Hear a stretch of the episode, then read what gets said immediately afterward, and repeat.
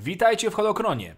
Dzisiaj przybliżę Wam 10 faktów na temat najbardziej rozpoznawalnych żołnierzy w odległej galaktyce, czyli czego mogliście nie wiedzieć o szturmowcach.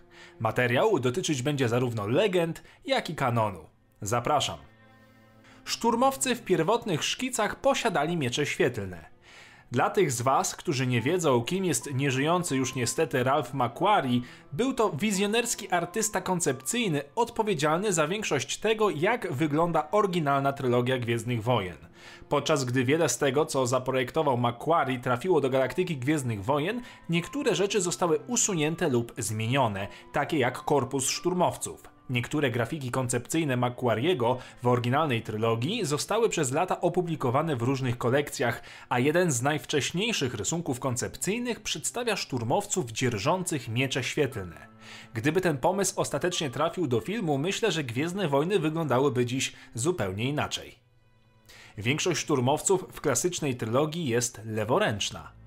W naszym świecie około 10% populacji jest leworęczna. Wygląda jednak na to, że osoby leworęczne znacznie częściej pojawiają się w odległej galaktyce, ponieważ zdecydowana większość szturmowców w oryginalnej trylogii była leworęczna lub przynajmniej nosiła blastery w ten sposób. Niestety ani w kanonie, ani w legendach nie ma wyjaśnienia, dlaczego szturmowcy byli leworęczni.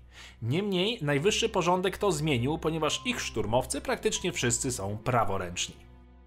Ponad 30 tysięcy szturmowców zginęło w wyniku eksplozji Gwiazdy Śmierci. Imperium było odpowiedzialne za likwidację milionów wrogów nowego reżimu, szczególnie gdy wysadziło Alderan za pomocą Gwiazdy Śmierci, a rebelianci zemścili się, niszcząc ich stację bojową.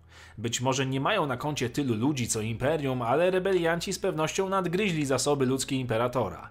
Jeśli chodzi o kanon, nie jest jasne ile personelu i ilu szturmowców wśród tych pracowników znajdowało się na pokładzie Gwiazdy Śmierci, gdy wybuchła.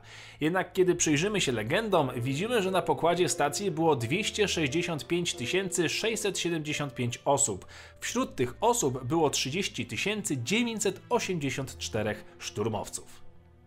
Weterani wojen klonów uważali nowych szturmowców za o wiele gorszych żołnierzy. Żołnierze klony zostali wycofani z programu szturmowców na początku powstania Imperium Galaktycznego, ale kilka jednostek weteranów klonów pozostało w armii w celach treningowych. Jednym z nich był komandor Cody, który nie krył swojej dezaprobaty na temat nowych ludzkich rekrutów. Uważał, że są nieskuteczni i nie mogą sprostać standardom, z których znana była niegdyś armia klonów. Nawet kapitan Rex zgadzał się z opinią dowódcy. Rex uważał również, że zbroja szturmowca jest znacznie gorsza niż zbroja żołnierzy klonów, którą nosili podczas wojen, o czym wielokrotnie wspominał w animowanym serialu Star Wars Rebels. Nie tylko Gwiazda Imperialna chroniła Imperatora, ale również szturmowcy. Imperialni gwardziści chronią imperatora praktycznie cały czas, ale co jeśli imperator znajdzie się na polu bitwy? Otóż tym zajmują się szok truperzy. Ci elitarni szturmowcy nosili pomalowaną na czerwono zbroję, podobnie jak ich poprzednicy w postaci klonów. Jeśli graliście w Battlefronta, możecie zauważyć, że szok trupersi chronią imperatora w walce za każdym razem, gdy gracz otrzyma żeton, by wykupić tą postać. Deweloperzy nie wymyślili tego faktu, jest to po prostu kanon. Nic nie widzę w tym hełmie. Słów Luka Skywalkera nie było w scenariuszu. Niektóre z najlepszych scen w filmach zdarzają się zwykle, gdy aktor lub aktorka dodają coś od siebie.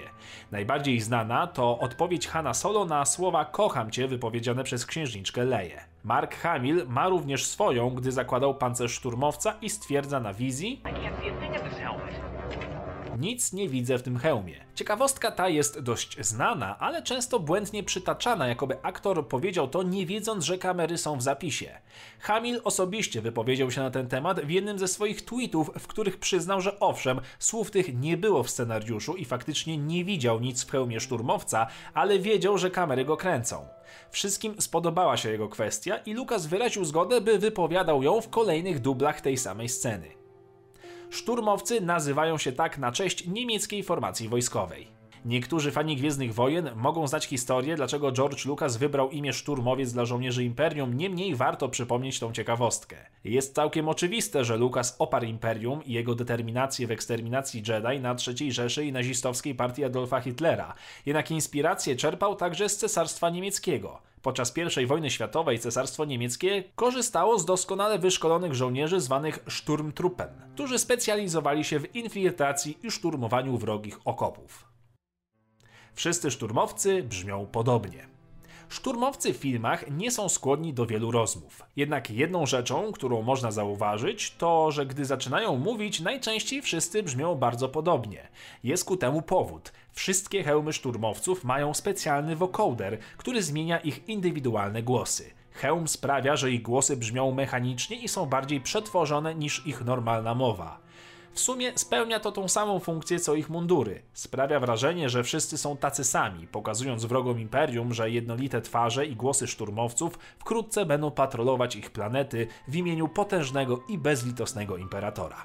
Każdy ze szturmowców ma przy sobie potężny ładunek wybuchowy. Pakunek ten może wyglądać jak zwykły termos, czy też coś w rodzaju imperialnej manierki, ale okazuje się, że cylindryczny pojemnik przymocowany z tyłu paska na broń jest w rzeczywistości wysoce wyspecjalizowanym detonatorem termicznym. Wykonane przez Blastech Industries z rdzeniem N20 baradium, detonatory termiczne zostały zaprojektowane specjalnie dla szturmowców, tak by rebelianci nie mogli ich obsługiwać.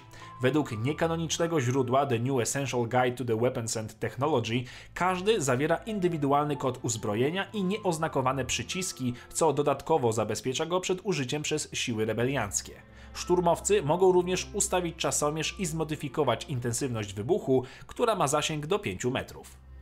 Szturmowcy jednak zarabiają. Przez wiele lat fani byli podzieleni na temat tego, czy szturmowcy dostają wynagrodzenie za swoją służbę. Część źródeł podawała, że szturmowcy nie mają pensji i wykonują swoją pracę z czystego poczucia obowiązku, czy też raczej fanatyzmu. Niemniej, według najnowszego i kanonicznego opowiadania pod tytułem Born in the Storm, szturmowcy są opłacani. Dowiadujemy się, że ich wynagrodzenie podlega sankcjom i innym środkom dyscyplinarnym, jeśli nie spełnią określonych norm. To wszystko na dzisiaj. Mam nadzieję, że dowiedzieliście się czegoś nowego o żołnierzach Imperium. Padajcie na Discorda, podziękowania dla patronów serii, niech moc zawsze będzie z wami.